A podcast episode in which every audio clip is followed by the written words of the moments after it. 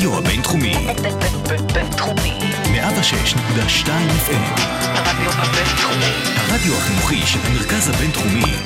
לקום ישראל. 106.2 FM.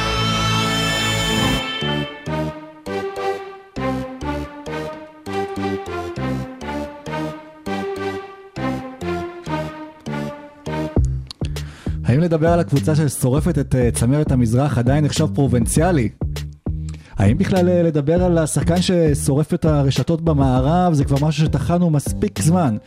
אנחנו חושבים שלא ולכן הכנו לכם היום פרק אש שיעבור על כל מה שקורה בליגה, על כל הדברים שמרגשים אותנו ועל כל הדברים גם כן שמעצבנים אותנו במיוחד בשביל זה הזמנו אורח כבוד היום שיתארך איתנו בפרק שגם היה קצת קרוב לאירועים האחרונים ויכול לתת לנו כמה inside אינפוטס ככה אומרים נכון? הדברים שם בכל זאת אנחנו בפרק מספר 79 של עושים NBA ואנחנו יוצאים לדרך בעוד שלוש, שתיים, אחת Yeah.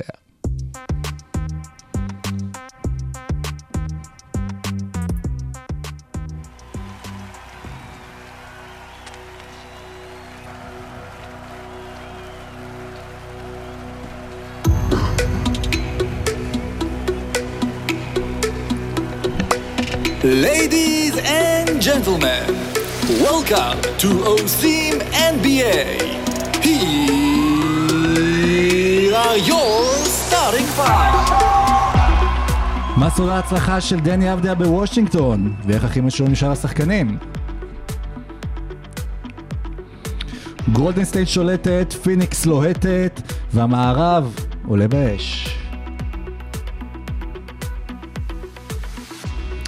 איך שיקגו נראית כל כך טוב, אפילו כשבוצ'ביץ' פצוע? האם סטיב נש צודק כשהוא טוען שברוקלין לא ברמה של הקבוצות הגדולות?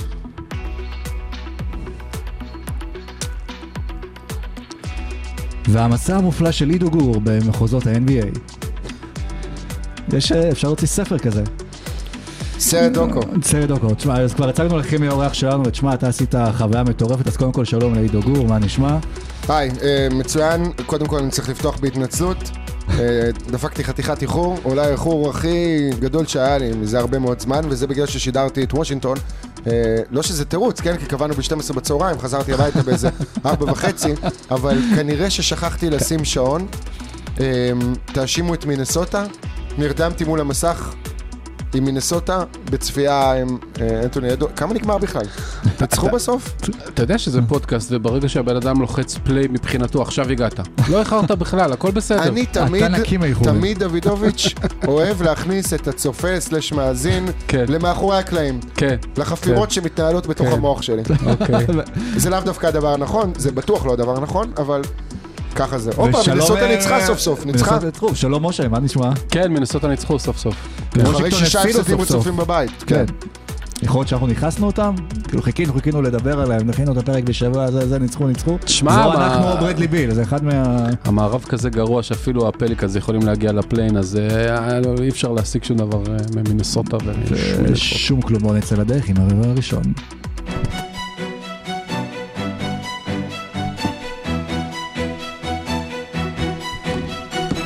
רבע ראשון.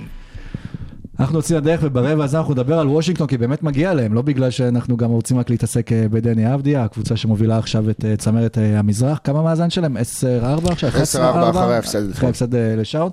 שארלוט היא כאילו עוקצת המובילות, היא יצאה גם את גולדן סטייט ועכשיו גם את וושינגטון וככה לאט לאט היא מטפסת. ועידו, אתה היית עכשיו בסיור משחקים אה, משוגע ב- בארצות הברית, כמה משחקים תפסת? שמונה, תשעה? שבעה, שבעה. בסך הכל. אה, ויתרתי על איזה שניים שהייתי בניו יורק, אפילו שלושה. שאני הבנתי שאנסלד ג'וניור כבר רוצה להחזיר אותך, כי בעצם כל ה run של וושינגטון התחיל בזכותך. כן, חד משמעית. אה, אתה יודע, הרגישו את היכולת שלי על הפרקט, ראו, ראו את המאמץ שהבאתי, את החיבור אה, שגרמתי. אתה יודע, אני בינלאומי כזה, מדבר את השפה שלהם, שומע את המוזיקה שלהם, של השחקנים, הולך עם אותם סניקרס, אה, וגם טומי שפרד בודק עכשיו עם ערוץ הספורט אפשרות על גם- לרכוש אותי בתור מביא כדורים ונער מגבות. גם לך קראו דריימונד גרין האתלטי? לא, לי קראו דריימונד גרין הלא אתלטי, בשום צורה. הייתי, תרתי משמע, לא רק מבחינת הקצב שלי על הפרקט, גם אתה יודע, לוקח קצת זמן למחשבה וכאלה, תרגילים. אה, לא, לא, עכשיו ברצינות. בוא אה, נחשוב ברצינות, זה כמו ננסי ברנדס, אבל- עכשיו ברצינות. כן. לא, בוא, בוא, אתה רוצה שנעשה סקירה שנייה של כן, לא, בוא- בוא הנסיעה? בוא תספר קודם כל גם באיזה משחקים היית, יצא לך גם בהרבה משחקים אה, עם אה, וושינגטון וויזארדס, ובטח כן, כאילו לחוות מהצד. קבוצה שפתאום בעלייה שלא יודע כמה הם ציפו לה. חמישה משחקים של אה, וושינגטון. זה התחיל עם ברוקלין נגד הוויזארדס, אה, בניו יורק, בברקליס סנטר מן הסתם, ואז יומיים אחרי זה נסעתי לבוסטון לראות את אה, הסלטיקס מארחים את הוויזארדס בטידי גרדן. המשחק הראשון הסתיים בblowout של ברוקלין, המשחק השני בניצחון אה, די צמוד שם של אה, וושינגטון, ואז חזרתי לניו יורק. אה, לעוד כמה ימים, היו שני משחקים שוויתרתי עליהם, ברוקלין נגד אינדיאנה וברוקלין נגד דטרויט, ואז נסעתי לפילדלפיה, ראיתי את פילדלפיה נגד פורטלנד, קצת לילארד, טיפה מישהו מהמערב, בכל זאת שיהיה. אה, ואז נסעתי לוושינגטון, שם ראיתי שלושה משחקים, נגד טורונטו, נגד ממפיס ומוראנט, ואז נגד יאניס ומילווקי. חזרתי לניו יורק, ובלילה האחרון ראיתי את הניקס נגד הבקס. זאת הנסיעה, ועכשיו אני יכול לספר כאן, זה עוד לא סופי. זה, אנחנו עובדים על זה ממש, אני מקווה שעד יום ראשון זה יהיה סגור, גם הטווח זמן הוא מאוד מאוד קצר, ואני לא יודע עד כמה תהיה היענות לזה, אבל אני התחלתי את הסיפור הזה מאיזה סטורי באינסטגרם לפני כמה חודשים, ביום ששחררו את הלו"ז של ה-NBA. אז נתתי הצעה לטיול מאורגן חצי בצחוק. הכמות תגובות שקיבלתי מאנשים שהיו בעניין, שאתה אף פעם לא יודע אם הם באמת רק מתלהבים וכותבים לך, תרשום אותי בפנים, יש פה אה, כמה אלפי דולרים שצריך כן. בשביל לצאת למסע כזה. אה, ובכל זאת, אולי אפשר לבקש מהמדינה, כמו המסע לפולין, שפשוט יעבירו את הכספים למסע נכון, ל- למסע- מחנות. למסע זה לדיסי. כמו שישה מחנות בשבעה ימים, רק עם אה, רק מחנות רק עם. לילארד. רק עם כן. מחנות אימון, כן. בגדול, או מחנות ריכוז עם לילארד, אם הוא יכול להראות להם איך לרכז. זה הולך להיות כאן פרסום ראשון, זה עוד לא סופי. רק ביום ראשון שני אני אדע בוודאות אם זה קורה או לא, אבל כנראה שאני הולך להוציא טיול כזה. לא, אתה. הופך לסוכן נסיעות. אני הופך להיות מדריך טיולי NBA. וואו. מדהים, אבל בוא, נתרכז באמת, כאילו בקבוצה שראית אותה הכי הרבה במסע הזה, זה וושינגטון, שהיה לה עכשיו רצף של כמה, חמישה ניצחונות, נראה לי רצופים עד ההפסד אה, לשרלוט, רובם גם בלי אה, ברדלי ביל, אה, שמסיבות אישיות לא השתתף, אבל הקבוצה הכל עובד נכון, נראה שה trade היה מאוד מוצלח, שדני נכנס לעניינים, וזה בזכות באמת, כן, לא.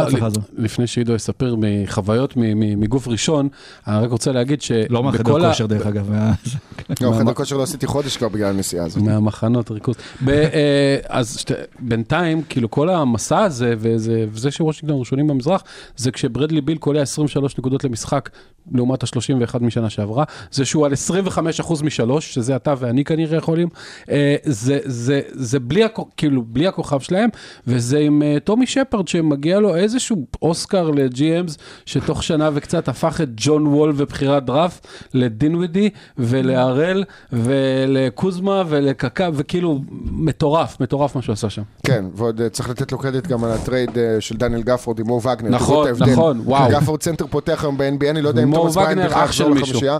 בדיוק, מו וגנר משחק יחד. עם פרנץ. כן, אז יש לי גם את עוד הוא תומאס, שומע? הוא שומע את הפודקאסטים האלה? הוא כאילו כן. ברוחות שישי אחרי זה אומר לך, אה, ככה דיברת, ככה אה, כאילו. הוא משתדל לשמוע. הוא משתדל המאזינים גם לשמוע. מגיבים, מקפידים ל- ל- כן, הם לתזכר מתייגים. אותו, אל תדאג. כי הוא הפך להיות אימפריה, אחיך. למה? אתה יודע, קשה לדבר איתו, הוא מפורסם, אה, הוא סלב, יש לו חברים אה, באילנות גבוהים. כן, אילן פלד. כן. כן. כן. אילן ואילנית גם. אבל אה, כן, יש לוושינגטון עדיין, שוב, אתה אמרת, גם תומאס בריינט, איפה הוא השתלב כבר? שנה יושב בחוץ. עזוב, הוא יהיה צ'ימורה. מה קורה עם האצ'ימורה? אף אחד לא יודע מה קורה עם מה אתה האצ'ימורה. עושה עם החולצה שלו? אה, פריט אספנים, אני ממסגר אותה ליד החולצה של עמנואל מודיאיי מדנבר שקניתי. בוא נקפוץ שנים. קדימה, יכול להיות שוושינגטון יצטרכו לעשות, או ירצו לעשות trade, לק- משהו שיכול להיות האצ'ימורה, אולי אפילו גם את תומאס בריינט בשביל להביא עוד איזשהו כוכב, עוד שחקן. תקשיב, וושינגטון, אנחנו מתלהבים ושמחים ורואים את הקבוצה מנצחת, כי בואו שניה ניקח את זה לחוויה שלנו. נשים רגע את דני בצד, כי כמובן שדני יותר טוב העונה ומקבל יותר הזדמנויות, וגם בסגנון כדורסל זה יותר זורם. כבר נדבר עליו. ודברים במקום. מתחילים להתחבר, אבל רק ברמת האהדה הישראלית, הרצון לראות את דני אבדיה מצליח, ואז אתה אוהד של וושינגטון, אתה רואה את כל המשחקים של וושינגטון. כמו שהיינו רואים את המשחקים של סלטה ויגו, שחיים רביבו שיחק שם, כן. וכמו שהיינו רואים את המשחקים של... אה, מי זה היה? פנרבכצ'ה שהוא שיחק בה? אה, בטורקיה. אבל השנה יותר כיף ואת, לצפות, אה, אייל כי- ברקוביץ' עברנו מסאוטהמפטון לווסטהאם, מה לא. שדיברנו שנה שעברה עידו זה זה. שמלא אוהדים ישראלים מתחב- חדשים התחברו ל-NBA. אה. זאת הפואנטה, אוקיי? שאנחנו אה, קהל שבוי למשחקים של וושינגטון, בגלל שיש שם נציג ישראלי שאנחנו מאוד אוהבים ורוצים בהצלחה שלו. ובעונה שעברה סבלנו, סבלנו ברמת הכדורסל, אה, מהסגנון הזה של ראסל ווסטבורג, שעכשיו אוהדי הלייקרס פחות או יותר סובלים ממנו, אה, למרות המספרים האלה שלך עוזרים בפנטזי ספציפית, אה, כי עשית את הקבוצה שלך עם בחירות נכונות, אה, שמתאימות לראסל ווסטבורג, אבל השנה אנחנו רואים כדורסל אחר, שגם אם אבדיה במשחקים מסוימים לא נגע בכדור, לא לקח זריקה, כמו נגד אטלנטה, שכולם פה יצאו מגדרם ואמרו, זה לא יכול לקרות, זה כן יכול לקרות. כל מי שאמר פה, וזה כולל החברים שלי, אנשים שעובדים איתי בערוץ הספורט, שזה לא יכול לקרות, זה יכול לקרות. דני אבדיה עוד לא שיחק 70 משחקים בו- בקריירת ה-NBA שלו. זה קורה גם לשחקנים במשחק המאה שלהם לפעמים, אוקיי? והיו שחקנים יותר גדולים מאבדיה שלו זרקו לסל. כמו ג'ימי באטלר במשחקים מסוימים בעונה השנייה שלו. וכמו קובי בריינט בעונה הראשונה שלו, ויש לי עוד של אלף דוגמאות. ג'רמי גרנט, כאילו שרק אחרי ארבע שנים בליגה נכון. תפ- תפס תאוצה. יפה, עכשיו, אמ, בעניין, כן, אבל ג'רמי גרנט לא היה בחירת lottery והיו פחות ציפיות ממנו, אני מדבר דווקא על אה, השוואות שהן יותר אה, באותו, באותם levels, מבחינת השק ציפיות שהיה לפני כן. בקיצור, יותר כיף לראות את הקבוצה הזאת משחקת כדורסל, גם אם עדיין יש מהלכים יחידניים, זה לא ראסל ווסטברוק, אה, זה כדור זז, וברדלי ביל אגב, אני חושב שיש איתו איזושהי בעיה מסוימת, אנחנו רואים אותה השנה לראשונה, הוא לא מנהיג.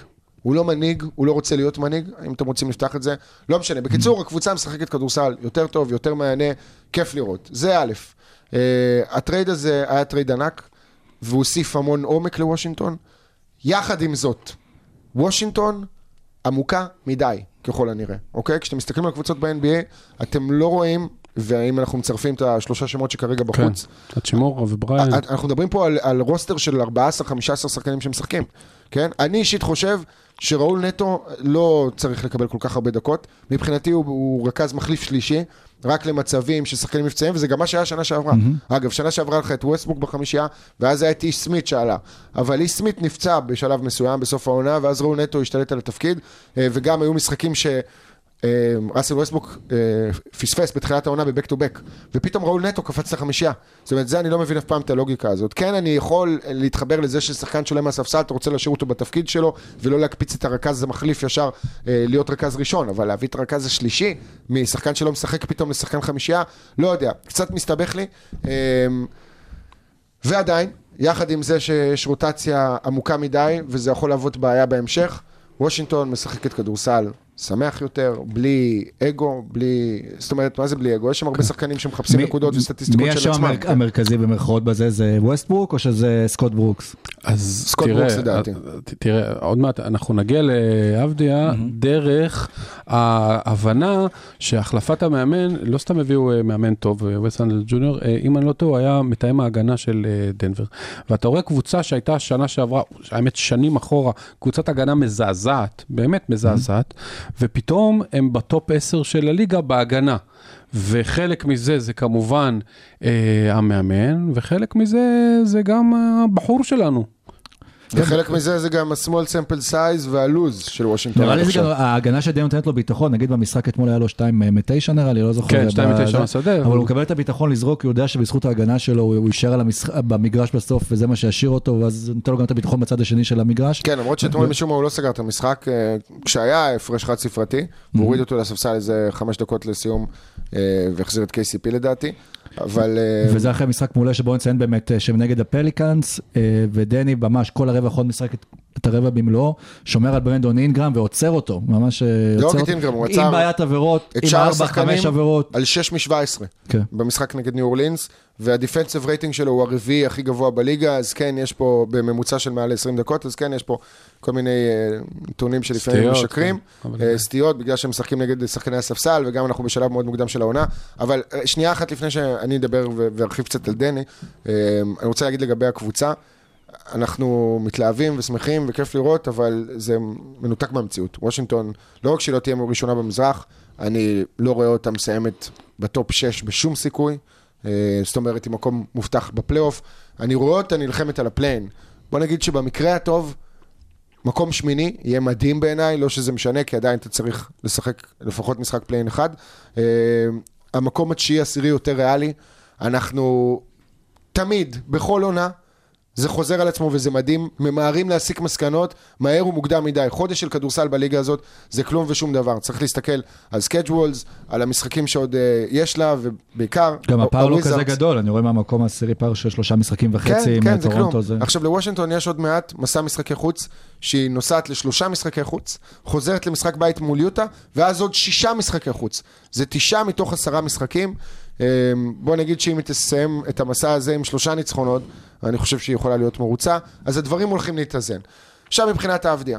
אה, כן, ראינו את זה במשחק נגד ניו אורלינס, זה, זה משהו שנבנה מתחילת העונה, זאת אומרת העונה התחילה קצת שייקי, אה, קצת עם חלודה, אחרי שלא שיחק הרבה זמן, mm-hmm. קצת עם ענייני ביטחון, אה, והוא הבין, תוך כדי, שההגנה הזאת מתחברת. עכשיו, מה ההבדל בין ההגנה של העונה הזאת לעונה של השנה שעברה? אין הרבה, בתכלס.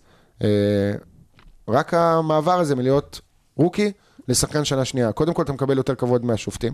דבר שני, זה, זה לא קשור לדני בכלל, השופטים שורקים פחות השנה. נכון. הם נותנים יותר להרביץ, הם נותנים יותר אה, מגע. ועבדיה מרוויח מזה, כי הוא מנטליות ההגנה שלו, היא מנטליות של יורוליג. שם הוא גדל, שם הוא שיחק בשנתיים לפני שהוא הגיע ל-NBA, אה, והוא בעצמו לא הגיע עם טיקט של שחקן הגנתי. אבל, והיו לי שיחות איתו, לא מעט בזמן שהייתי שם, אפשר היה לראות, זאת אומרת, הוא לא לוקח את זה עכשיו כאיזה... הוא, הוא בחור קליל מאוד, שנהנה מהחיים, ואוהב להשתתות, ואוהב לעשות כיף ושמח, אה, והוא לא לוקח את הדברים יותר מדי ברצינות. והוא ידע להתחבר לסיפור הזה של ההגנה שמרוויחה לו דקות, mm-hmm. שמסדרת אה, איזה שהן, לא כותרות מבחינת כאן אה, בארץ, ש, שנותנת לו ולידיישן, אוקיי? גם עם האוהדים בוושינגטון, והוא פשוט לקח את זה. זה אגב גם תהליך שעבר במכבי תל כן. אביב.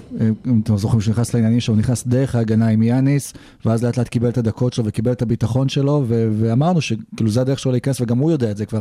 וזה הניסיון גם ששחקן בא בסוף במכבי תל אביב, בטח בסיטואציה שלו ל-NBA, שכאילו הוא מגיע לקבוצה הכי חזקה וצריך להילחם על הדקות שלך, למרות שאתה כוכב בנוער וזה, אז כבר הוא עבר את התהליך הזה בחיים שלו, אז בגלל זה אולי היה לו יותר קל להיכנס. דני הוא לא דריימונד גרין הישראלי. דני מוכשר מאוד התקפית. יש לו skillset מדהים, יש לו קליעה שרק הולכת ומשתפרת, הוא יודע להוריד כדרור, הוא... ראינו אתמול את ה move הזה על ה baseline, ראינו pull-up מ mid range, תחשבו שאם הוא היה משחק בקבוצות כמו אורלנדו, דטרויט, אה, ואפילו סן אנטוניו בשנה הזאת, בשנה שנייה שלו בליגה, שהייתה יכולה לבחור בו שני מקומות אחרי, אבל בסוף וושינגטון בחר, אה, והלכה על דווין וסל, אה, גם אחלה שחקן, אז היינו כבר עכשיו רואים ממנו ממוצעים לדעתי של 15 נקודות ועשרה כדורים חוזרים. יש לו חוש לריבאונדים, הוא חזק, הוא רודף אחרי הכדורים החוזרים, אבל בוושינגטון, גם במשחק הפריצה הזה, עם הדאבל דאבל והניצחון לניו אורלינס, הוא לקח שש זריקות, כן? חמש משש מהשדה. אז אתמול אה, הוא עם שיא עונתי של ניסיונות. תשע זריקות זה הכי הרבה, נחסם שם כמה פעמים, כולל בניסיון הטבעה, וזה מה שרצינו לראות, זה מה שהקהל הישראלי רצה לראות פה בתחילת העונה. שהוא אמר, לא אכפת לי כלום, רק שיהיה אגרסיבי ורק שיהיה אגרסיבי. אז עבדיה לקח את הזמן, והבין מה הוא צריך בשביל להרגיש בנוח כדי להיות אגרסיבי, וזה גם קשור להתאוששות מפציעה ארוכה, הכי ארוכה שהייתה לו בקריירה שלו, כן? פעם ראשונה שהוא מתמודד עם איזשהו מכשול. וגם קשור אה, לקצת להרגיש את הקבוצה, לקבל ביטחון, דרך ניצחונות, דרך מהלכים טובים בהגנה. אני בטוח שנראה אותו מתפוצץ בהתקפה, ואני חושב שהוא יהיה שחקן סופר משמעותי בליגה הזאת, ואני, אתם יודעים, נלחם עם אנשים, כי let's face it, בואו נגיד את האמת, כן? אנשים מסוימים אומרים שאני שומר עליו, שאני מגן עליו, שאני בחיים לא אגיד עליו משהו שלילי, אה,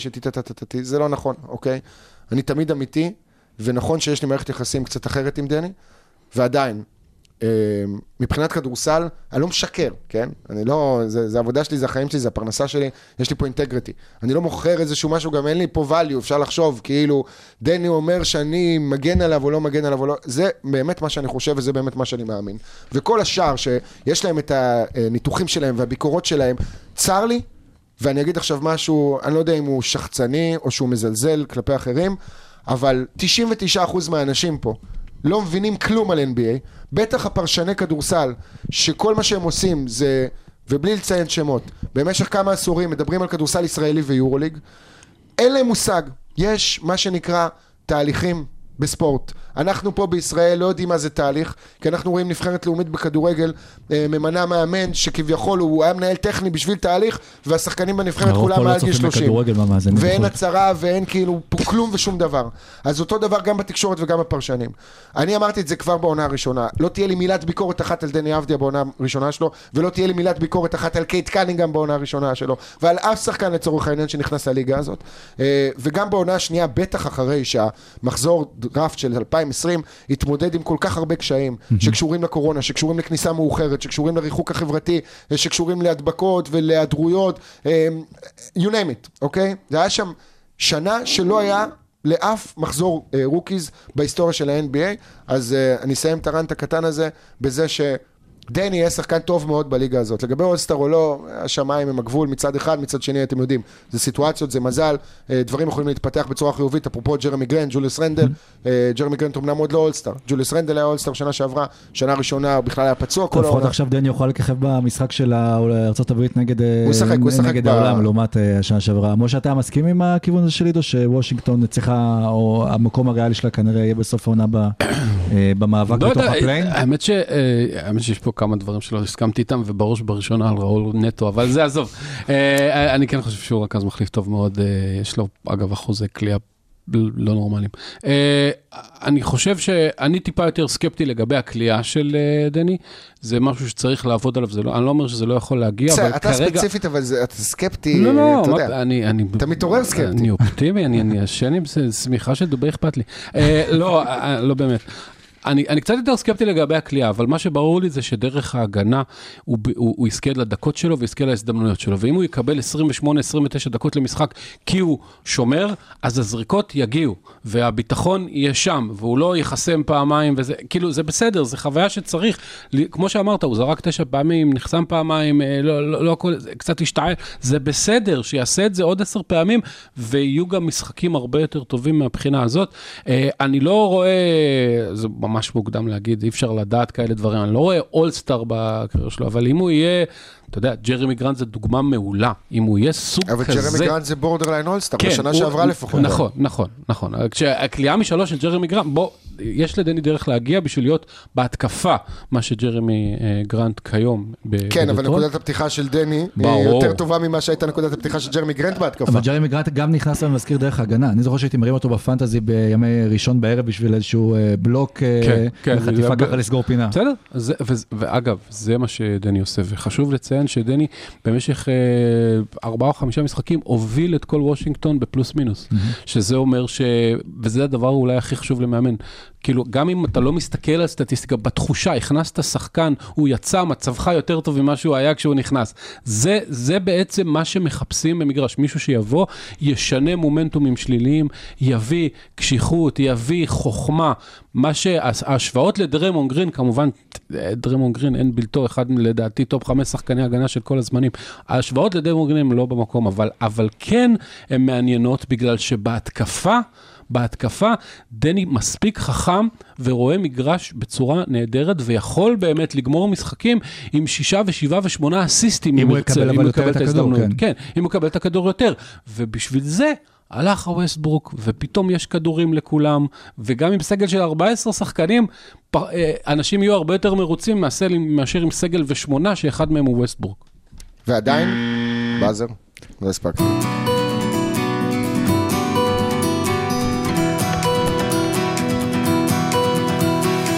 רבע שני.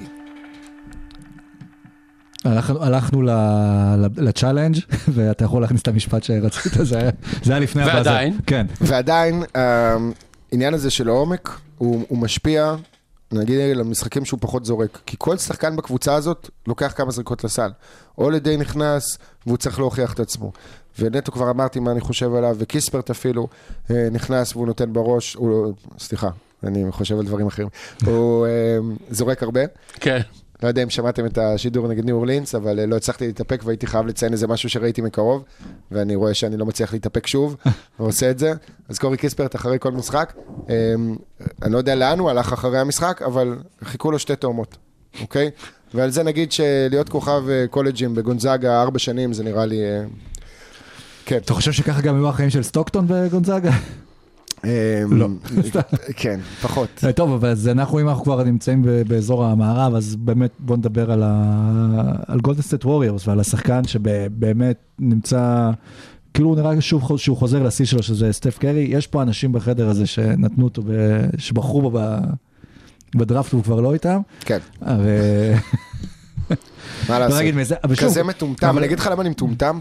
כי הייתי צריך לחכות שבועיים, והייתי יכול לעשות טרייד אחר ולהביא את ברדלי ביל, אבל לא התאפקתי. כן. אה, אבל גולדן סטייט עכשיו, שוב, לא אותו סיפור כמו כמו וושינגטון, אבל הקבוצה שבמקום הראשון במערב, מקום ראשון אה, ב-NBA בעצם, ועושה את זה גם בלי הרבה שחקנים שאמורים לחזור לרוטציה בראשית בראש ובראשונה, קליי תומפסון וגם אה, וייזמן שאמור להיכנס לחזור בימים הקרובים, וזה עם כזה ניחוחות של גולדן סטייט לפני 4-5 שנים, גם כשרואים את איגי וסטף. אה, ועם קליי שיחזור עוד מעט וסטיב קר על הקווים, והשאלה גם אם זה רן שיכול להמשיך הלאה, או שפיניק שנושפת בעורפה כבר עם עשרה ניצחונות רצופים, בסוף אה, הדברים יתאזנו במערב. היה להם לוז לא קשה, נקרא לזה ככה. מצד שני, הם אה, ראשונים במדד ההגנתי בשלוש נקודות יותר מהקבוצה במקום השני, כאילו פער עצום. ו- ומעבר לזה, הם שניים בהתקפה.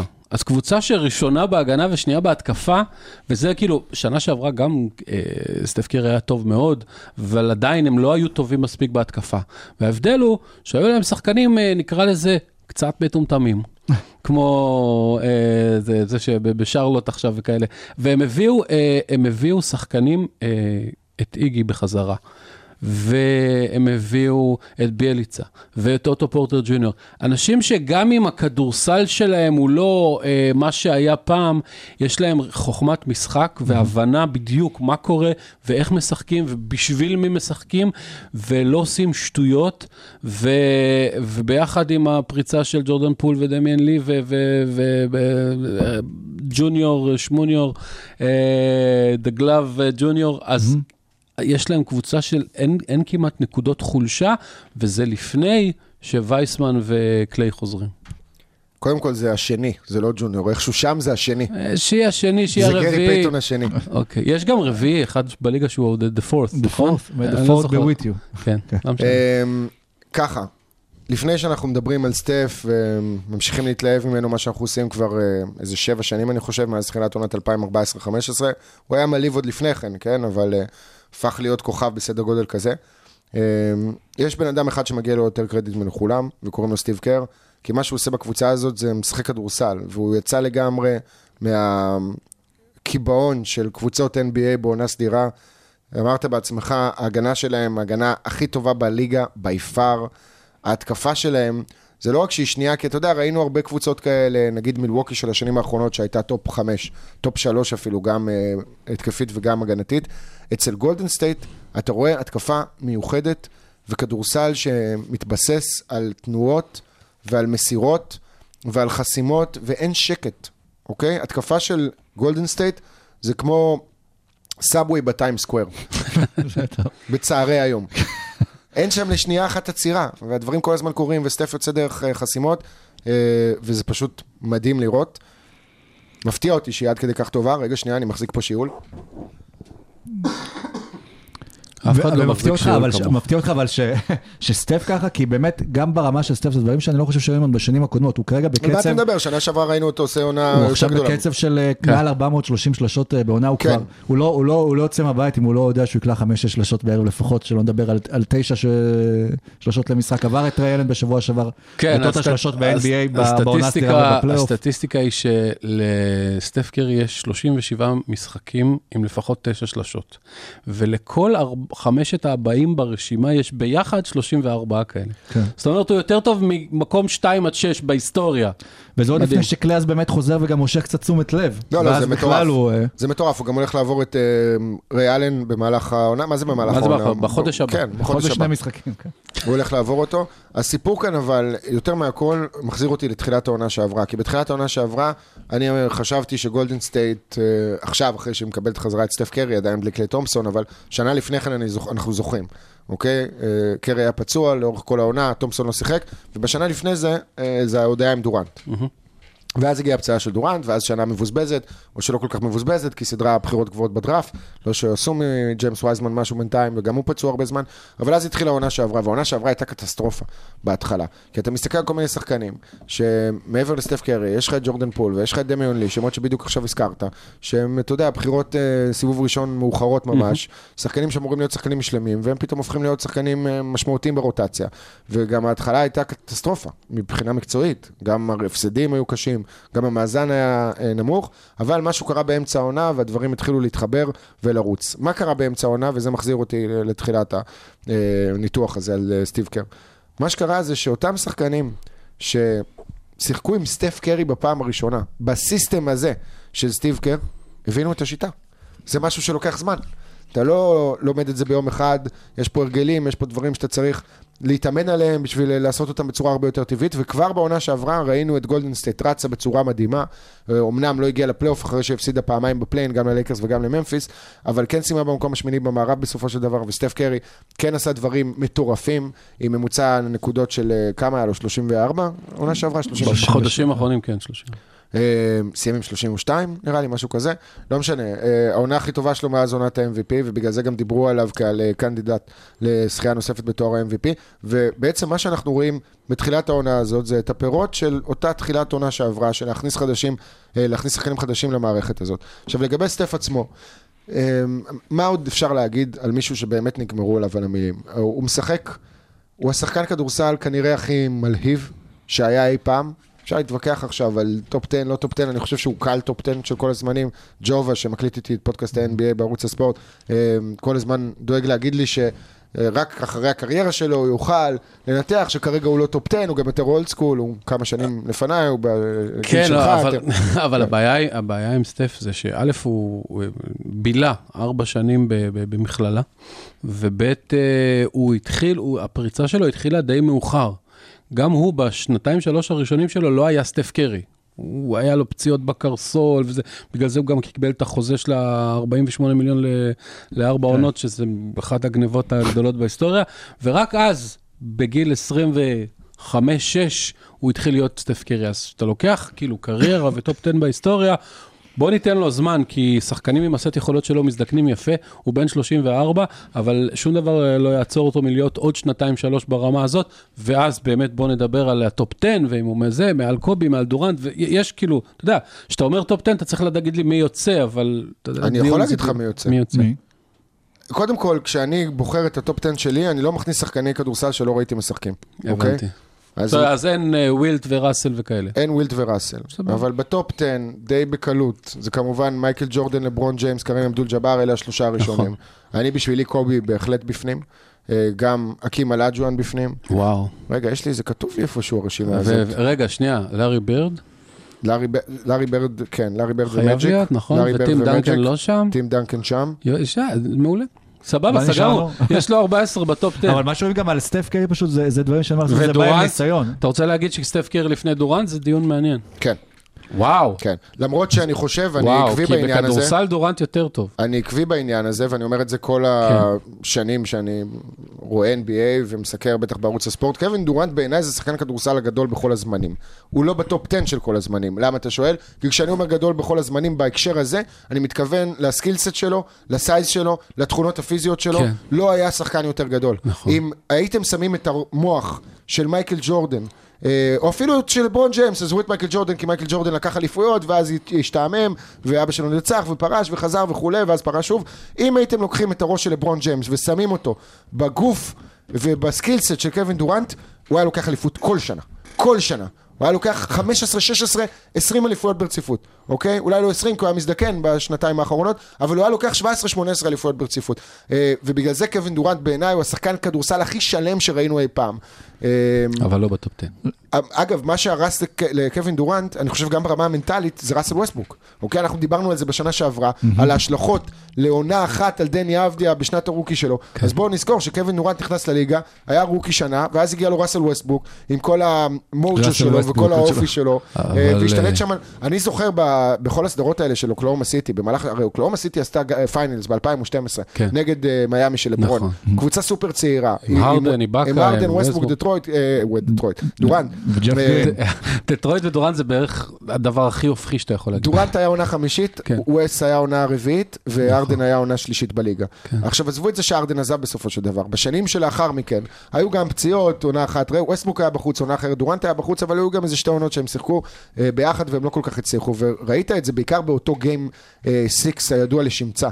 אה, המשחק. שבו קליי תומפסון קלע 11 שלשות כן. והציל את גולדן סטייט וכפה משחק שביעי בגמר המערב, שם קווין דורנט לא לקח זריקות, בסוף הוא לקח איזו זריקה קריטית שהוא החטיא אותה, אבל ווסטבוק השתלט על המשחק. בקיצור, אה, מצד יצאנו קצת... שני, מי MVP של finals ומי לא?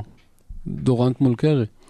לא משנה. שזה גם דיון זה- שתמיד עשינו אם הגיע כן. לסטף שם MVP אה, בפיינל זה, לא. או שזה נמנע תראו, ממנו. לפי הרשימה של ESPN, כן, מייקל, לברון, קרים, כן, ראסל, מג'יק, כן. וילט, לארי, דנקן, קובי ושקיל. זאת העשירייה. בסדר. דורנט בוודאות צריך להיכנס. כרגע סטף במקום ה-13 של ESPN, כן. ודורנט במקום 11. 14. 14? כן, לא, 11 זה אוסקר רוברטסון ו-12 זה האקים אולאג'ואן. טוב. אז אם אני מוציא מפה את ראסל ואת צ'מברליין, ומשאיר את לארי, את כל שאר השמות אני משאיר, כן. אז אני יכול להכניס גם את סטף וגם את הקים. טוב בוא נדבר אבל כן על מה שקורה עכשיו אה, בליגה. אז, כואב אה, לי הלב אבל דירק, דירק הגולדן 19. סטייט, אם אנחנו מדברים על דירוגים, גם אה, כמו בעניין של, של המזרח, השאלה אם זה משהו שיכול, שהם יכולים להישמר בטופ עדיין של המערב, אה, או שזה, שוב, פיניקס בעקבותיהם, והקליפרס פתאום מתחילים להיראות טוב, או שאין להם איום. אני חושב ש... כי לדע- מה שאנחנו יודעים פשוט על המערב זה שיש לנו בערך עשר קבוצות שבטוח ייכנסו ל play-in, ו- שמונה מ- ועוד חמש אה, קבוצות שאין להם סיכוי. אם אני לא טועה, שמונה מ-11 משחקים הראשונים של גולדן סטייט היו משחקי בית. אה, שוב, הלו"ז, כמו שעידו אמר קודם, חודש אחד, אה, הכל יכול להתהפך.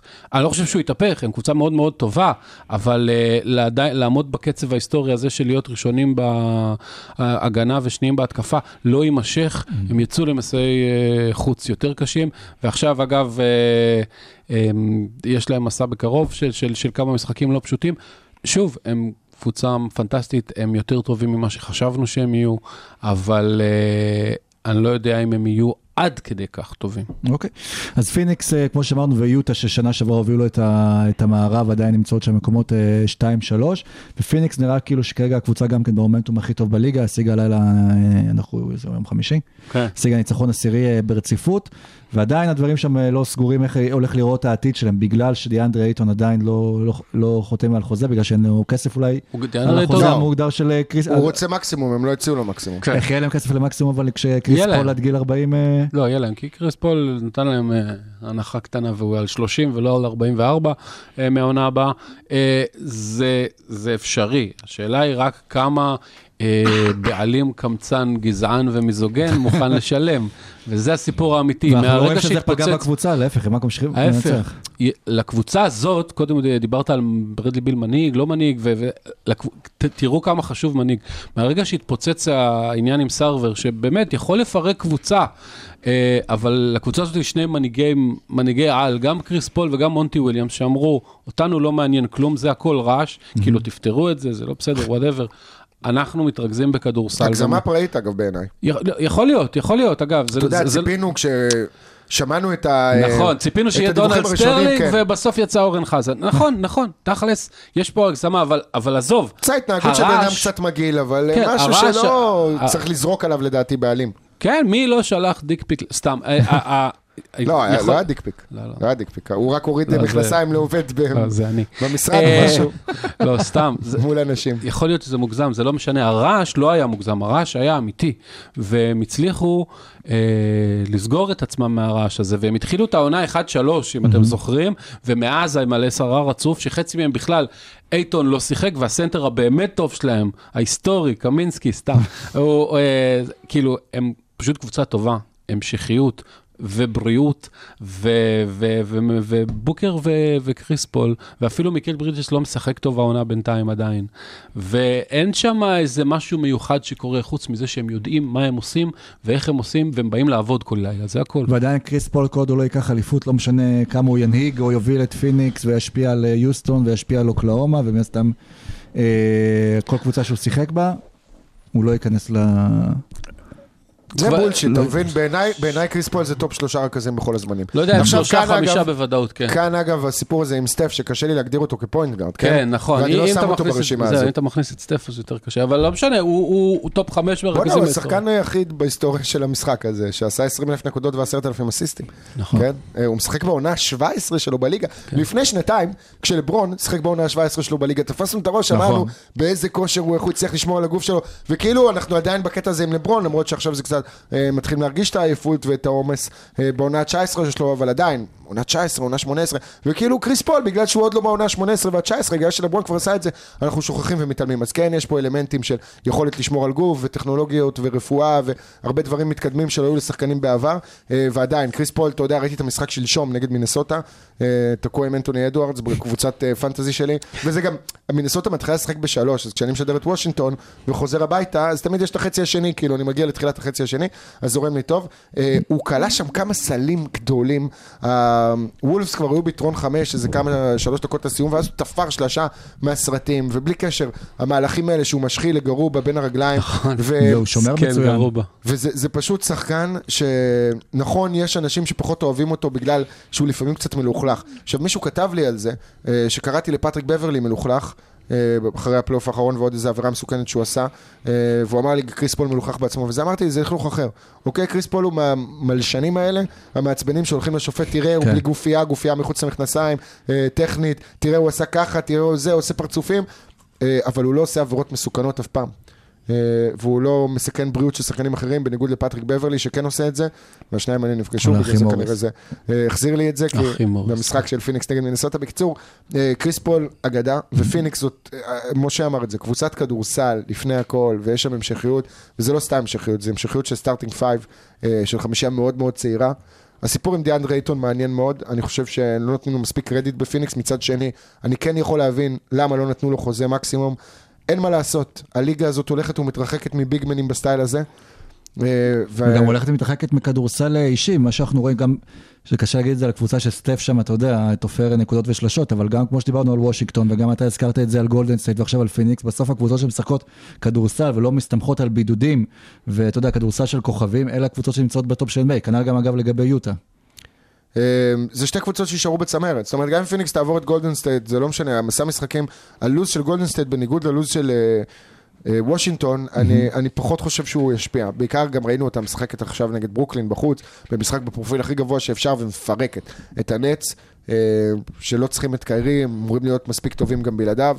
ואני לא, לא מבין בכלל למה הזכרתי את השם הזה עכשיו, הוא כאילו לא רלוונטי לליגה, אין מה לדבר עליו.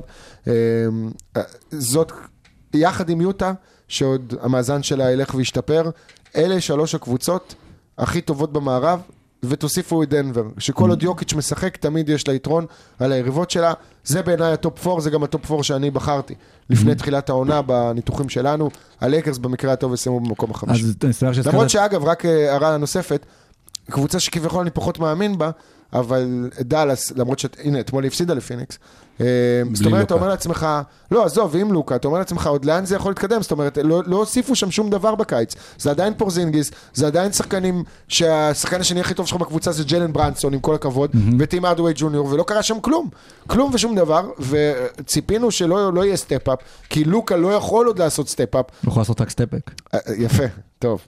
אה, וזה לא שהוא עשה באמת step-up במשחק, אבל שוב, כנראה המנטליות שלו ושל הארגון הזה, זאת קבוצת עונה סדירה מצוינת, שתמשיך לנצח בעונה סדירה. לגבי פלייאוף, אני לא יודע לאן יכול להיות שיהיה לו קשה. גם לעשות step-up, אה, ככה לסכם את העניין של דאלאס, בגלל שאין עוד עוד את הכוכב ליד שיפנה לו קצת את המקום לעשות את ה step-up, כי כולם מתרכזים בו. אבל הזכרת את הלייקרס, והפרק הקודם שלנו לפני שבועיים גם כן דיברנו על הלייקרס, והאם יפגע בהם בסוף זה שזו קבוצה מבוגרת, ולאורך זמן השחקנים יתחילו ליפול, ו...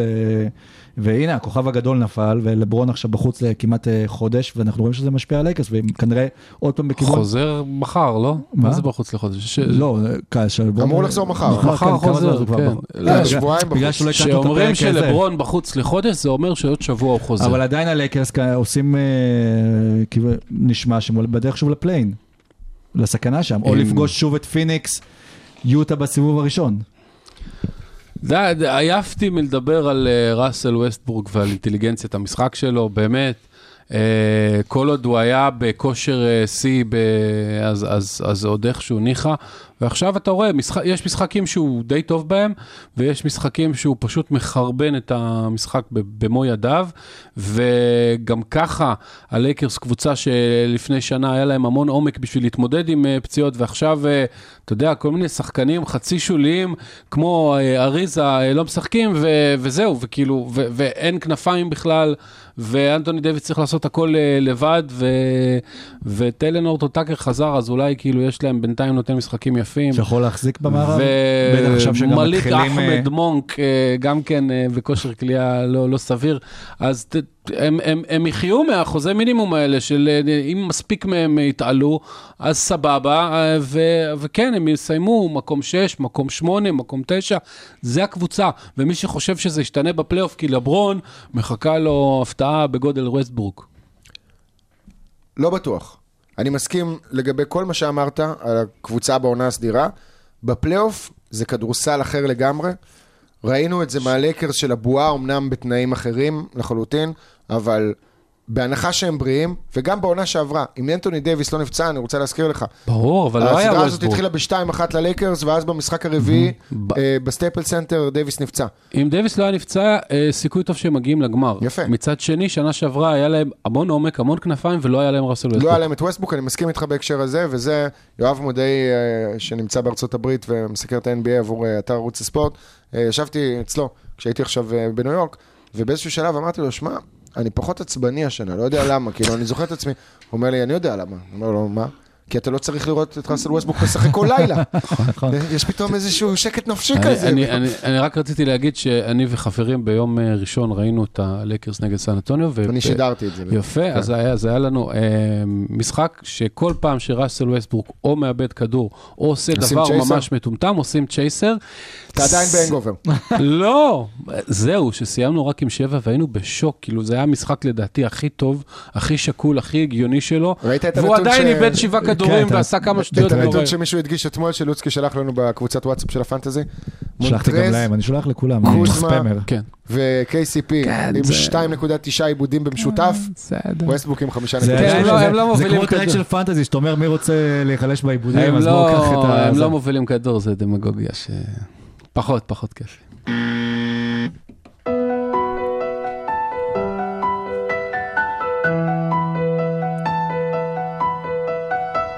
רבע שלישי. אה, טוב, ברבע הזה אנחנו נתחיל לדבר עכשיו, אה, לחזור למזרח. וניפרד מיאנג דולף. יאנג דולף? מה זה יאנג דולף? דולף הוא הצדק? יאנג דולף. יאנג דולף אה, נהרג ו... אה, זה ראפר זה שביוסטון או ב- משהו. בממפיס, בממפיס. יאנג דולף. אה, בגלל זה באת עם חולצה של הגריזליז? נהרג אתמול, כן, אני מייצג. ראיתי את ה... הכל עם מחשבה. ראיתי את הפלייליסט שלך ששמת אהבת? בטוויטר. זה היה נשמע לי כמו אה, המון שירים של אר קלי.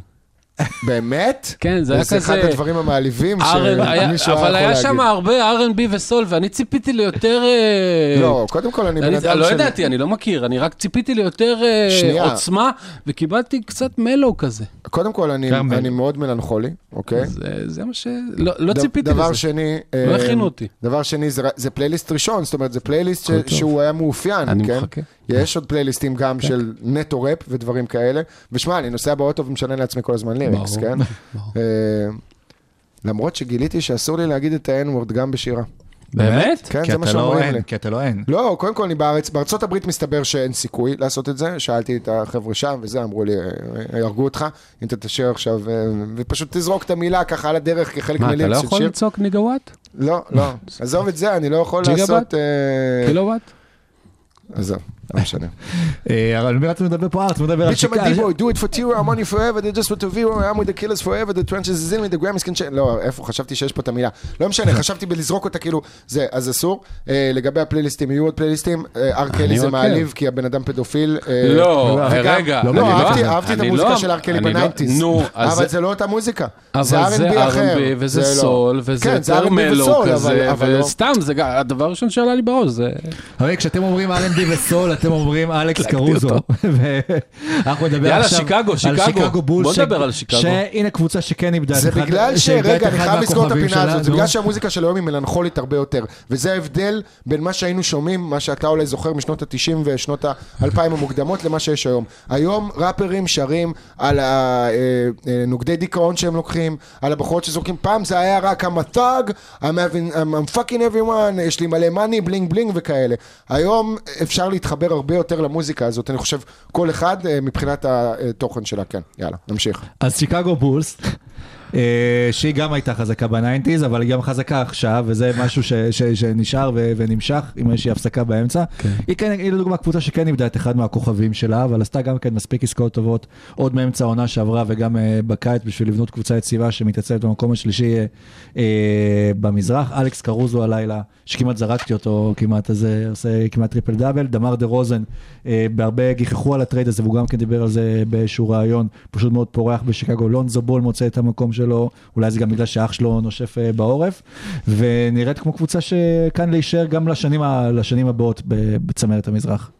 אמרתי למישהו שדמר דה רוזן יכול להיות Hall of Fame וצחקו עליי ממש ממש ממש, אבל אחרי זה שאתה הולך ומסתכל ואתה רואה אה, חמישה אולסטרים והשישי יבוא בוודאות השנה, ואתה רואה פעמיים חמישיות עונה וה, והשלישי כנראה יבוא השנה, וקצת... אה, הוא שחקן שבהתחלה הוא היה, היה מאוד קל לרדת עליו, כי הוא כזה gunner מה, מהדרו ליג בקיץ והזה, שיודע לייצר, אז אה, כאילו יצא לו איזה תדמית של איזה ג'מאל קרופורד כזה בלי שלשות, אבל זה נכון היה, זה נכון, הוא לא היה מאוד יציב והוא לא היה מאוד זה, אבל בשנים האחרונות, המהפך שהוא עבר אצל אה, פופ בסן אנטוניו, הוא הפך להיות point forward מדהים, וה, והיכולת העיקרית, האנדררייטרד שלו, שהוא הוא, הוא לא מאבד כדורים. והוא לא עושה יותר שטויות. Mm-hmm. ונכון שהוא לא זורק משלוש, אבל מצד שני, הוא לא זורק משלוש כי האחוזים שלו משלוש לא טובים. אז הוא עומד על 50% מהשדה, והוא עומד על שבעה אסיסטים ועיבוד אחד, והוא פשוט מנהל את המשחק מההתקפה בצורה פנטסטית, וזה מוריד עומס מזק לוין שהיה עליו עומס אדיר שנה שעברה, וזה מוריד עומס מווצ'ביץ' כי הוא בתקופה לא טובה, וזה פשוט, אה, הוא, הוא, הוא מ- החוט שמקשר את כל הקבוצה הזאת, ומההגנה, בהגנה, ב front יש לך את שתי הבולדוגים, אה, לונזו וקרוזו, וזה מדהים איך אה, דה רוזן אה, שנולד ב- וגדל ב-LA, ולונזו וקרוזו שהיו ב fucking LA, הם עכשיו כולם בשיקגו, וב-LA יש מליק אחמד מונק. ובדה רוזן, שוב, לא להשוות את זה לבן סימונס, אבל גם אז היה איתו באמת הדיבור של הזריקות לשלוש, וראינו פשוט איך הוא לאט לאט כן התחיל לזרוק, הנה משחק האחרון גם רק איזה חמש זריקות, אולי לא כאלה היה באחוזים כאלה גבוהים משם, אבל הוא פשוט עשה את התהליך וקצת פיתח עצמו את המשחק בלי לעשות את כל הרעש והצלצולים שהיה סביב בן סימונס, של כל שלושה שלו באימון אה, יצאו אה, סרטונים אה, לטוויטר. לא, זה סיפור. אחר, אבל קודם כל השיח על השלשות של דמר דה רוזן הולך אחורה עוד. לתקופתו בטורונטו. עכשיו, מה שמוזר עם דה רוזן, שיש לו המון המון זריקות מה mid-range mid-range, הרחוק, נכון. כן. ונכנסות. אז אתה אומר לעצמך, הוא קולע טוב, כן? הוא אחד משחקני ה mid-range הטובים ב-NBA, וכשאתה מסתכל על שחקנים אחרים, אה, דווין בוקר נגיד, קריס מידלטון, קריס פול, שהם שחקנים mid-range אדירים, הם גם קלעי שלשות אדירים. אז מה קורה שם עם דה רוזן? והוא לא רוצה לזרוק שלשות, הוא לא רצה לזרוק שלשות, הוא הגיע לסן אנטוניו, גם לא כל כך זרק יותר מדי מחוץ לקשת, השנה הוא זורק הכי הרבה, הוא קולע הכי הרבה.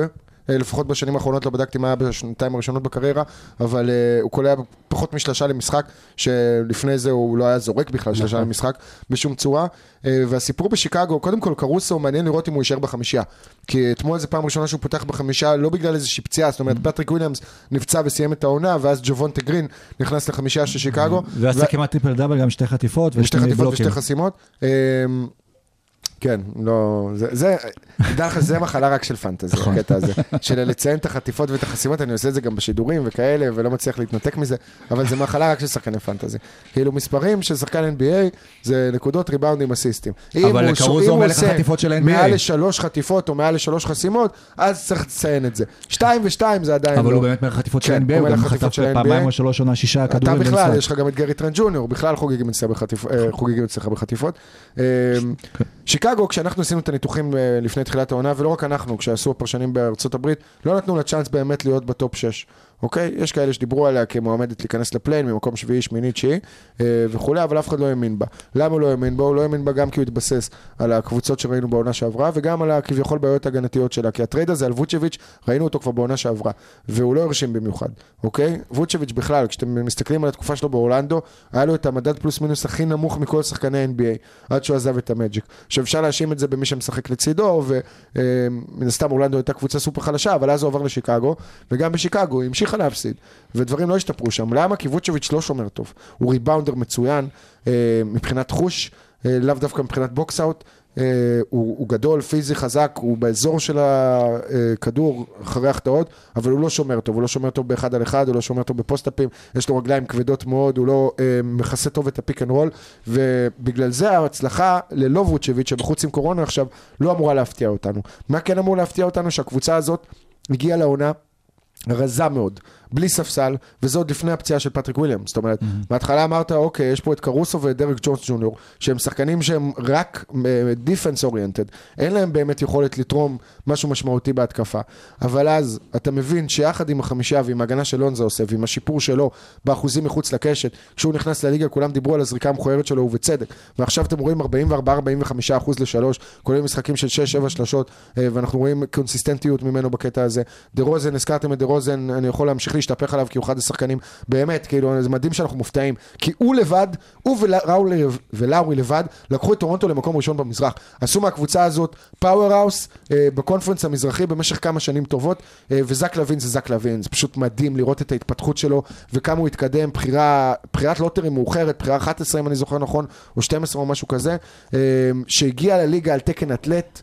וניתר מהרגע הראשון, אני זוכר את ההתלהבות שלי לפגוש אותו ב All-Star של 2015, כשהוא היה ב rookie, שחקני שנה ראשונה שנייה, כי הוא היה בדראפט של 2014, אה, וכבר אז, אתה יודע, מהדנקים שלו, אני מדמיין ומפנטז לאיזשהו שחקן שינשק את הטבעת תוך כדי שהוא מטביע, גם שאלתי אותו את השאלה הזאת, כשהייתי שם, אמרתי לו, אתה חושב שאתה יכול להיות השחקן הראשון שככה וככה, ואז אחרי ה trade הזה, ולראות את היכולת קליעה שלו מחוץ לקשת, והשנה בכלל, זה הפאסון, הוא, הוא, הוא הסטאר, ואין לו בעיה שדה רוזן מתפוצץ וקולע 30 ומשהו משחקים, הוא כבר מבין שזה עניין של הצלחה קבוצתית שתעזור לו לשפר את המעמד שלו ואת השם שלו, אז כל הדברים האלה, דיברנו עליהם ושמנו אותם בצד. אני חושב שההפתעה הגדולה, אה, הבלתי צפויה, אפשר להגיד, של השלב הזה, איו דוסומנו. איו דוסומו, דוסומו, ה rookie, ששיחק בתיכון בשיקגו, בא משיקגו, ששיחק בקולג' באילינוי, אה, בחירת סיבוב שני, תחילת סיבוב שני, אם אני זוכר נכון, מכניס המון אנרגיות מהספסל, משחק כמו veteran, כמו שחקן מחליף ש, שהוא בדיוק לקבוצת פלייאוף כזה, שעושה מהלכים חשובים. טוני ברדלי זה big man, אפרופו דניאל גפורד, טוני ברדלי בעיניי אותו דבר, לא אותו שחקן, אבל זה גם מישהו שהיה backup שנים לרודי, ועכשיו הוא הגיע להיות backup לווצ'ביץ', והוא יכול להיות סנטר פותח בליגה הזאת בקבוצות מסוימות. אמ, אני חושב ששיקגו אמיתית, אני חושב ששיקגו תישאר ב top חמש במזרח, אני לא יכול להתחייב על יותר מזה. אה, זאת אומרת, מקום רביעי, שלישי, כי שוב, מילווקי, מידלטון חזר עכשיו, הולידיי היה קצת פצוע, אה, ברוק לופז עדיין בחוץ, mm-hmm. מילווקי תהיה שם ב top 4, אוקיי? ברוקלין תהיה שם ב top 4. על שתיהם אנחנו יכולים לחתום בוודאות. תוסיפו את מיאמי, היא תהיה שם בטופ 4. כל עוד לא יהיו פציעות רציניות, שגם בם וגם אה, ג'ימי בחוץ, או גם בם וגם לאורי, ולא בטוח שגם זה יוריד אותם עם המשמעת שלהם. אז יש לנו שלוש קבוצות שהן נעולות, נעולות, נעולות, לדעתי, לפני שיקגו. מי תהיה רביעית? האם זאת תהיה שיקגו, האם זאת תהיה פילדלפיה, האם זאת תהיה אטלנטה, שמיד נדבר עליה, שתתחיל את ההתאוששות שלה. Mm-hmm. סימן שאלה גדול, אבל זה בטוח קבוצה בעיניי ששווה פלייאוף בלי play-in.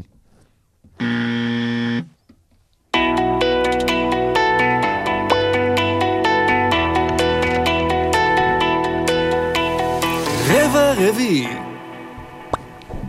אז הזכרת את אטלנטה ואנחנו עכשיו באמת אה, ניגע ב... הסאונד הזה לא נגמר. אנחנו ניגע אה, בקבוצות שבאמת אנחנו מחכים להתאוששות שלהם ונדבר גם על זה, בואו אולי נתחיל על אטלנטה וגם מילווקי אה, שנמצאות עכשיו במקומות 11-12 וזה עוד קבוצות שצריכות לעלות למעלה חזרה באיזשהו שלב, לפחות ככה אנחנו מקווים בשבילן. אטלנטה, היה נראה שנה שעברה שהם כאילו עשו את הקפיצה, אבל יכול להיות שהם עשו אותה מהר מדי, mm-hmm. ועכשיו הם טיפה חוזרים לקרקע, כי ההגנה שלהם עדיין גרועה מאוד, וקפלה לא נכנס טוב לעונה. ודיאן דה אנטר עכשיו פצוע לחודשיים בחוץ, אה, וגלינרי ובוגדנוביץ' אף פעם לא היו שחקני הגנה גדולים, וטרי יאנג אה, היה די קטסטרופה רוב הקריירה שלו בהגנה, ובסוף בסוף, אה, איכשהו שנה שעברה, התלכיד הזה וההתלהבות אה, עזרו, ועכשיו הם פשוט בינתיים לא טובים בהגנה. אני לא דואג מההתקפה שלהם, הם יהיו טובים, יש להם שחקנים טובים מאוד. אני חושב שאם הם לא אה, יעשו שיפור רציני בהגנה, אז הם עלולים לא להיות בכלל במצבים אפילו, לא דומים לשנה שעברה, אלא בכלל לא להיות, אולי יהיו בפליין, אבל לא יהיו בטופ 6. יכול להיות שהליגה הזו, אה, כמו שפעם אמרנו שמחפשים הרבה שחקני אה, 3ND, אז הפכה לליגה של אה, קבוצות 3ND, שכאילו מצאו את האיזון הזה, אתה צריך קבוצה שיהיו לך מספיק שחקנים לתפור ולקלוע שלשות, ובשביל להיות בצבא אתה צריך גם לתת הגנה, ולהם נגיד יש לאטלנטה אולי רק את הצד של השלשות, שזה כן. המטרה והסביבה שם, אבל בגלל לא נמצאים, אנחנו גם רואים אגב את המספרים בליגה, מבחינת הנקודות למשחק, אם אנחנו עוד בבועה וקצת אחר כך, ראינו כן. תוצאות של 140, 100... 50 אה, שמגיעים אה, קבוצות, גם בלי הערכות. סורוקה, הממוצע כרגע... כן. סורוקה שלח לנו סטטיסטיקה. אה, אה, מתוך- אה, מתוך 22 קבוצות ששיחקו הלילה, חצי לא הגיעו ל-100 נקודות. חצי מהקבוצות לא הגיעה ל-100 נקודות, ואף קבוצה לא קלעה יותר מ-113 נקודות, ששנה שעברה הממוצע היה 112 נקודות למשחק. אז יש משהו ב... שוב, השינויים של החוקה ושחקנים שהיו כדורסל האירופאי רגילים... משתלט על ה... כן. שחקנים שהיו רגיל... השינויים של החוקה עשו לא רק אה, אה, רע להרדן ולטריאנג ולכאלה שהם באמת מנסים אה, אה, לעשות את ה... לתפוס את הפאולים הטיפשיים האלה. הם בעצם יצרו איזושהי תגובת, אה, כאילו, תגובת נגד של הליגה לשיפוט יותר מדי אה, מקל עם שחקני התקפה, ועכשיו... אתה יודע, זה לא רק המובים של הרדן שלא מקבלים שריקה, זה גם מכות בצבע שלא מקבלים שריקה, אז, אה, אז תהיה, תהיה פה תקופת הסתגלות. אני לא יודע, אני נהנה מזה יותר, כי אני חשבתי שהלכו רחוק מדי עם ה... זה, זה לא משחק מחשב. זה לא, במשחקים של 130, 125, זה מאוד נחמד שאתה משחק פנטזי, אבל זה לא כיף לראות בסופו של דבר. אתה כן רוצה לראות קצת מכות, אתה רוצה לראות החטאות, אתה רוצה לראות אה, שכופים על מישהו עיבוד כדור, ואתה אתה, אתה רוצה לראות דברים. ואטלנטה, שוב, שני העוגנים ההגנתיים שלה היו אנטר וקפלה, וקפלה התחיל לא טוב ואנטר פצוע, ו, ויש להם בעיה קשה, כי אין להם הרבה שחקנים בסגל שיכולים לבוא ולהיכנס ולתת את ההגנה הזאת שחסרה להם. אמ, לא מסכים בערך עם רו- כל מה שאמרת. כן, דבר אליי. כן. קודם כל לגבי אטלנטה, ושוב, כאן זה אה, לצאת שנייה מה... להסתכל על המאזן ולהסתכל על רצף ההפסדים. זה לעשות אקסטרה מאמץ ולהסתכל נגד מי ההפסדים האלה הגיעו. ורצף שישת ההפסדים של ההוקס, זה התחיל נגד ברוקלין בחוץ, נגד יוטה בבית, נגד פיניקס בחוץ, נגד גולדן סטייט בחוץ, נגד יוטה שוב בחוץ, ונגד דנבר בחוץ. אנחנו מדברים פה על הקבוצות הכי טובות ב-NBA, והרוב במשחקי חוץ. אה, אז זה מה שדרדר אותם למאזן של 4-9. יכול להיות שגם יוצא מומנטום שלילי, כלומר אין מה לעשות, לוז זה, לוז וזה הגרלה, אבל בסוף דברים כאלה יוצרים מומנטום שלילי או לחץ בתוך הקבוצה, או שזה דברים שקיימים רק באירופה וב, ובישראל. לא, זה דברים שקיימים באירופה בעיקר, כי אתה יודע, זאת עונה ארוכה של 82 משחקים, וקבוצות נכנסות לרצפים האלה, החיוביים, השליליים. בכל מקרה, זה מבחינת המאזן שלה עד עכשיו, באמת שהיא קיבלה אה, כנראה את הלוז הכי קשה לפתיחת העונה, ויש לזה משמעות. וראינו את זה, אגב, עם וושינגטון בשנה שעברה. עם כל הכבוד לריצה המטורפת של הוויזארדס, ולזה שראסל ווסטבוק עשה triple double אחרי triple double, תחזרו ללוח המשחקים, תראו נגד מי הם שיחקו, אה, כמה קבוצות היו שם מתחת ל-50 אחוזי הצלחה, כמה הקבוצות הטובות שהן שיחקו נגדן היו בלי הכוכבים שלהם שקיבלו מנוחה, או כאלה שהיו פצועים וכולי, אה, ואז תבינו למה יצא לריצה כזאת שסידרה לה בסוף את המקום השמיני, הרי וושינגטון הייתה עם אה, מקום 13 במזרח, אנחנו אמרנו יאללה, shut down ווסטבוק, תפסידו הכל, תס- תסתדרו על בחירת דראפט גבוהה יותר, תביאו איזה קייד או גרין או whatever, למרות ששניהם פחות מרשימים, עד עכשיו זה מובלי ובארנס בעיקר, שני ה rookies שמובלי הטובים עכשיו בעונה. נפצע גם. כן, מובלי ייעדר לבין שבועיים לארבעה שבועות. אמ, נחזור לאטלנטה. דיברת על בוגדנוביץ', דיברת, הזכרת פה הרבה שמות. אטלנטה, יש לה כביכול, היא סובלת מאותה בעיה של וושינגטון בצורה מסוימת. אולי הקבוצה השנייה הכי עמוקה בליגה. יש לה 13 שחקנים ב roster שיכולים לשחק, וזה עוד בלי שראינו שנייה לדעתי העונה, לא מג'יילן ג'ונסון, הבחירה ה-20 בדראפט. שחקן סופר מוכשר, היה מאוד מרשים בסאמר ליג, שיחק בסך הכל שישה משחקים בדיוק, ואז עזב כדי לשמור על עצמו, על הגוף, לא רצה להיפצע ולהכין את עצמו נטו לעונת ה-NBA, אז זה עלה לו אה, בבחירה נמוכה יותר. אגב, ג'ון קולינס, בחירה 19, אתם זוכרים מי נבחר מקום לפניו? איזה שנה זה? 2017. לא. אה, הוא לא משחק כדורסל כרגע. קוראים לו טי.ג'יי ליף. אה, בחירה 18 של אינדיאנה, קולינס בחירה 19. בסדר, דרגן בנדר היה ארבע. גם ג'סטין פטון. כן, אפשר להחזיר את בחירה ג'ליף 16 אה, של אותו לגליל. שימשיך את הדרך ג'סטין שלה. פטון אבל- של אילת. כן, אני זוכר את פטון ממלחמת האזרחים בארצות הברית. כן, היה גנרל מדהים. אמ, פלור ג'נרל, כן. אה, בקיצור, אתה חושב שאטלנטה, לא. אין לה בעיה, היא טובה, הכל בסדר, הם יהיו טופ וואטאבר, מה שניבאו להם, שזה יהיה יתרון ביתיות בפלייאוף. אני חושב שלפעמים, אה, יש את המונח הזה, לא יודע איך לתרגם אותו לעברית, אה, ברכה בתחפושת, כן, blessing in disguise. מהמם. הפציעה של דיאנדרה אנטר זה אחד הדברים הטובים שקרו לקבוצה הזאת. למה? איכשהו כל שנה, קווין הרטר נשכח. וקווין הרטר לא צריך להישכח. הוא שחקן חמישייה ב-NBA, הוא שחקן פנטסטי, ראינו את, אתמול, אותו פותח נגד בוסטון, מסיים עם 7 מ-9 מהשדה. היה לו עוד משחק העונה של אה, 28 או 31 נקודות, שזה היה שיא קריירה שלו. שחקן כל כך חכם, מצוין הגנתית, עם כליאה נהדרת, אה, שומר גם אחד על אחד, גם קבוצתי. אני חושב שהוא צריך לשחק יותר. אני חושב שיש פה בעיה עם דיאנדרה אנטר וקמרון רדיש. משהו שם, שני השחקנים האלה דורכים אחד לשני על הכפות רגליים, וזה גם כנראה מכניס אותם לעניינים אה, מנטליים אולי, שמשפיעים. מישהו מהם צריך לעזוב את הקבוצה.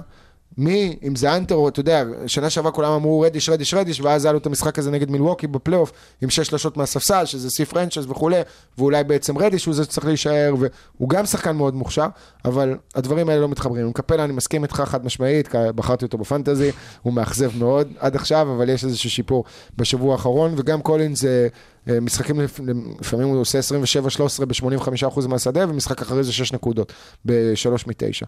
טרי יאנג זה הסיפור בעיניי. אוקיי? וטרי יאנג אה, צריך לעשות את ה switch הזה. הוא עשה את ה switch נגד מילווקי, בניצחון הגדול, עם אה, כמעט triple double, 42 נקודות, 10 אסיסטים, 8 שלשות, 8 ריבאונדים, אה, אבל הוא צריך להיות הרבה יותר עקבי. טרי יאנג, בשנתיים הראשונות שלו בליגה, כלה באזור ה-30 נקודות בממוצע. בעונה השלישית שלו, הוא ירד לאזור ה-26, ירד גם טיפה באסיסטים, הוא אה, חושב יותר מדי על איך... להכניס את כל השאר למשחק, לתת להם להוביל כדור וכולי, הוא צריך לתקוף את הסל. יש לו יכולת, אה, יש לו כישרון שאין להרבה שחקנים בליגה הזאת עכשיו, לא היו בכלל, עם ה dribble, עם המהירות, עם ה floater, הסיום בתוך הצבע, צריך לעשות את זה יותר, או לסיים בזריקות, או להוריד לקפלה, לקולינס, לעשות drive and kick לשלשות, אבל אני בעיניי, אם, אם אני הייתי מאמן כדורסל ב-NBA, והיו לי חומרים כאלה של שחקנים, ואני חושב שאמרתי את זה גם באחד השידורים, הייתי מתחיל כל התקפה ב-IP roll. עם גארד כזה הייתי מתחיל כל התקפה ב-pick and roll, אבל שיתקוף את הסל. שיזרוק מאיפה שהוא זורק, או שיחדור ו drive and kick. אני מבחינתי כל אקשן התקפי אמור להתחיל ככה, כשאנשים רצים מסביב וחסימות מדורגות, וכל אחד זה מוציא אנשים מאיזון. תן, תכווץ את ההגנה, תמשוך אותה. זה בסופו של דבר NBA, זה משחק של יכולת אישית, זה משחק של אה, אנשים שנולדו עם ברכה, אלוהים נגע בהם ויש להם כישרון יוצא דופן והם צריכים לנצל את זה, ולא לדאוג על איך לכדרר פחות ולהכניס שחקנים אחרים למשחק, הם יכניסו שחקנים אחרים למשחק אם יהיו כאלה אגרסיביים. ועוד שם שלא דיברתי עליו באטלנטה, הוא שריף קופר, או רוקי גם, שהיה פנטסטי בליגת קיץ. אז אני חושב שהם צריכים לאבד איזה שחקן, זה יעשה להם רק טוב. בוגדנוביץ', אה, גלינארי, מה, הוא פצוע בכלל עכשיו, לא? לא משחק. בוגדנוביץ' גם קצת אה, iffy כזה בפתיחת העונה, אבל אה, ברגע שהוא ידע שזאת החמישה שהוא משחק איתה, של קווין הרטר ובוגדנוביץ' בכנפיים, קפלה ב-pick and roll וקולינס גם, זה, זה מתכון בטוח להצלחה. אני חשבתי שהימרתי שההוקס יסיימו עם המאזן השני הכי טוב במזרח. לא יודע אם שני, אבל אני עדיין שם אותם ב top 4. אז טוב שאנחנו לא מסכימים, נוכל להיפגש פה עוד חודש, שאטלנטה עדיין יהיו מקום שמיני במזרח. אה, אבל קבוצה האחרונה אז באמת שרק אה, ניגע בפרק הזה, זו, אה, זו ברוקלין. אתם אה, מאוד אה, אומרים שהם בטוח יהיו ב top 2 של, של המערב, סטיב, של המזרח, אבל סטיב נש לא חושב איתכם, כנראה כל כך, והוא, שוב, אולי עניין פסיכולוגי, אומר אבל שהם כרגע לא אחת מהקבוצות המובילות לא- אה, בליגה. היסטוריה של מאמנים, אף פעם אני לא שמעתי אותם אומרים מה שהם אה, באמת חושבים, אלא מה שהם רוצים להעביר לשחקנים. כן. הוא רוצה להעביר לשחקנים שלו שמה שיש עכשיו זה לא מספיק. אגב, הוא צודק, זה לא היכולת המיטבית של ברוקלין.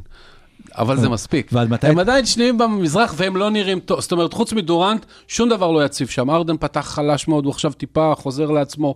אה, כל הברוס בואנים והזה, שום דבר, אולי חוץ מלמרקוס אולדריץ', שהוא. נקודת... אה, ברוס בראונים. אה, ברוס בואנים זה אותו דבר, תכלס. כל השחקנים האלה שאמורים היו לעשות את זה, פטי מילס התחיל עם 10 מ-10 מהשלוש, ואז חושך שלושה שבועות, ואז פתאום עוד. משחק, 9 מ-12, כאילו אין שם שום יציבות בכלום, ועדיין הם מקום שני במזרח כרגע, עם כל זה. אז uh, סטיב נש צודק שזה לא ממצה את הפוטנציאל של הקבוצה, אבל הוא לא צודק בזה שזה לא מספיק. עובדה, במזרח המאוד קשה, זה מספיק. הוא לא צריך למצות את אתם הפוטנציאל חושבים של אבל על הקבוצה. השעון, מתקתק השעון באמת על הרגע שיהיה כבר trade על אה, קיירי, או שיקבלו איזושהי אין החלטה? trade על ש- לא, מה פתאום, איזה טרייד על קרי? או שמה, אז מחליטים לרוץ בלעדיו עד סוף העונה? לא, עזוב שנייה את ברוקלין. מי, אם אתה קבוצת NBA עכשיו, מי לוקח את קיירי ארווין? אין לך את הבעיה של המשחקים, אתה לא בניו יורק. זה לא משנה, זה, אצל קיירי זה מעבר לחוק הזה של ברוקלין, אה, או שוק החור משוגע, שלא הוא חייבים. משוגע. כן. כן, יש שם, אתה יודע, דרין מורי, עקרונית, היה אמור לקפוץ עליו. כי נכון. גם הוא בסיטואציה מאוד נכון. מוזרה עם סימונס, וזה השחקן הכי גדול שיכול להרוויח על סימונס כרגע. נכון. וזה גם שחקן שמתאים כמו. כפפה ליד. לפילדלפיה. אבל זה הדיבור על קיירי כרגע ברחבי הליגה, שיש שם, יש שם משהו, יש שם משהו, הוא טיפה איבד את זה. אה, אתם רואים גם שארדן ודורנט, שהם חברים טובים שלו, כן? אה, מתנערים ממנו פחות או יותר, הם לא עושים את זה בצורה... היה עכשיו את השיחה של צ'ארלס ברקלי the NBA עם דורנט, דיברו על זה ככה ממש בקטנה, גם ברקלי אמר לו, אני לא אחפור לך על זה יותר מדי, ודורנט התייחס ברמה הקבוצתית, אה, איך הם מתכוונים להתמודד עם זה, אבל שמעו, אנחנו חודש בתוך העונה, בדיוק חודש מחר. אין שום דבר חדש, גם הראש עיר אה, החדש שנבחר בניו יורק לא ישנה בסופו של דבר את החוקים, אה, אז קרי לא צפוי לחזור לשחק בקרוב. לא יודע, אני לא יודע, אני באמת, אמרתי שלא נזכיר אותו, איכשהו השם שלו עלה, ו- וכן, אין מה להתעמק בזה, כי אנחנו לא, זה ניחושים, יכול להיות שהוא יחזור מחר, יכול להיות שהוא... יכול להיות שמחר בבוקר הוא קם ומחליט שהוא שהוא לוקח. את החיסון השלישי קודם, ראשון. יכול להיות זה שהתחסן כבר. יכול להיות שהתחסן כבר, אבל כן. העיקרון, אתה יודע. הכל כן. הכל יכול. לקרות כי הכדור הוא עגול. מה שבטוח, הקבוצה הזאת, הכדור לא שטוח, הקבוצה הזאת, גם בלי קיירי ארווין, ועכשיו ג'ו אריס בחוץ קצת נפצע, היא מספיק טובה ו... ללכת עד הסוף? ללכת לקחת אליפות, בטח. וכשסטיב נש אומר את הדברים שהוא אומר עכשיו, זה כמו שדוידוביץ' אמר פה, הוא מדבר על השחקנים שלו, וגם לא באמת מדבר על השחקנים שלו, כן? הוא יודע מתי הוא צריך להגיע למקסימום יכולת, וזה בפלייאוף, ועד אז הוא צריך לשמור על כולם בריאים, מבחינת כדורסל, הכל בסדר, יהיה בסדר. ארדן ודורנט מגיעים בריאים לפלייאוף, הם מנצחים. יפה מאוד, זה היה הפרק שלנו, אה, דיברנו הרבה, פרק, אה, ארוך, כמה אנחנו? 70 דקות כבר של אה, פרק. מעניין אותי, כן. אני בשוק. לא, מעניין אותי אם המאזינים, איך אה, הם צורכים את זה בבת אחת את כל פעם את הפרק, או אתה יודע, בחלקים. אני נגיד, כשאני מתחיל לשמוע פודקאסט, אז אני מתחיל לשמוע אותו באוטו, בחזרה מה, מהמשרד, ממשיך בטיול עם הכלב, עוד קצת בשירותים, כאילו בסוף אני סוגר איזושהי שעה ב, בסלון או במקחת. איך אתה שומע פודקאסטים, משה? ב- בחדר כושר, או אה, בהליכות עם הכלבה. כן. כן, כן. אתה עידו?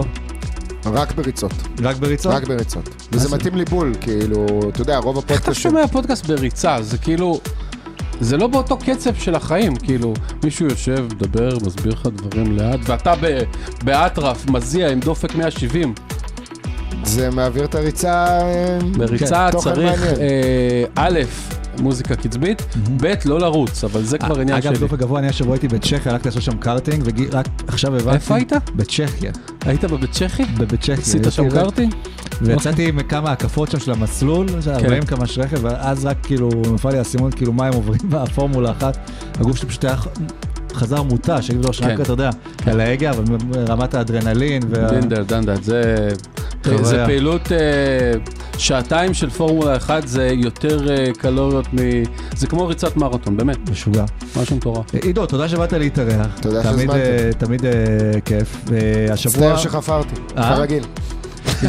אני מקווה שלקחתם היום את הריצות הארוכות של ה-12 קילומטר, 15 קילומטרים, כי אנחנו נלמד אתכם כל הפרק. וזהו, השבוע האמת אה, וושינגטון, בשבוע הבא יש להם שני משחקים חשובים נגד אה, מיאמי, נראה לי אחד בבית, אחד בחוץ, שיכול להיות שנדע על איפה זה לוקח די, אותם. די עם השקר הזה, אין משחקים חשובים באוקטובר. כן. נובמבר, סליחה. אבל אנחנו בכל מקרה ניפגש. גם לא בגדול לא, בדצמבר, ינואר, פברואר, בינואר, מרץ, פברואר אפריל. מתחילים להילחם על. המקומות של הפלייאוף ועל הזה וזה, כרגע זה, אתה יודע, משה דוידוביץ', תודה רבה. עידן לצקי, המון תודה. עידו גור, תודה רבה.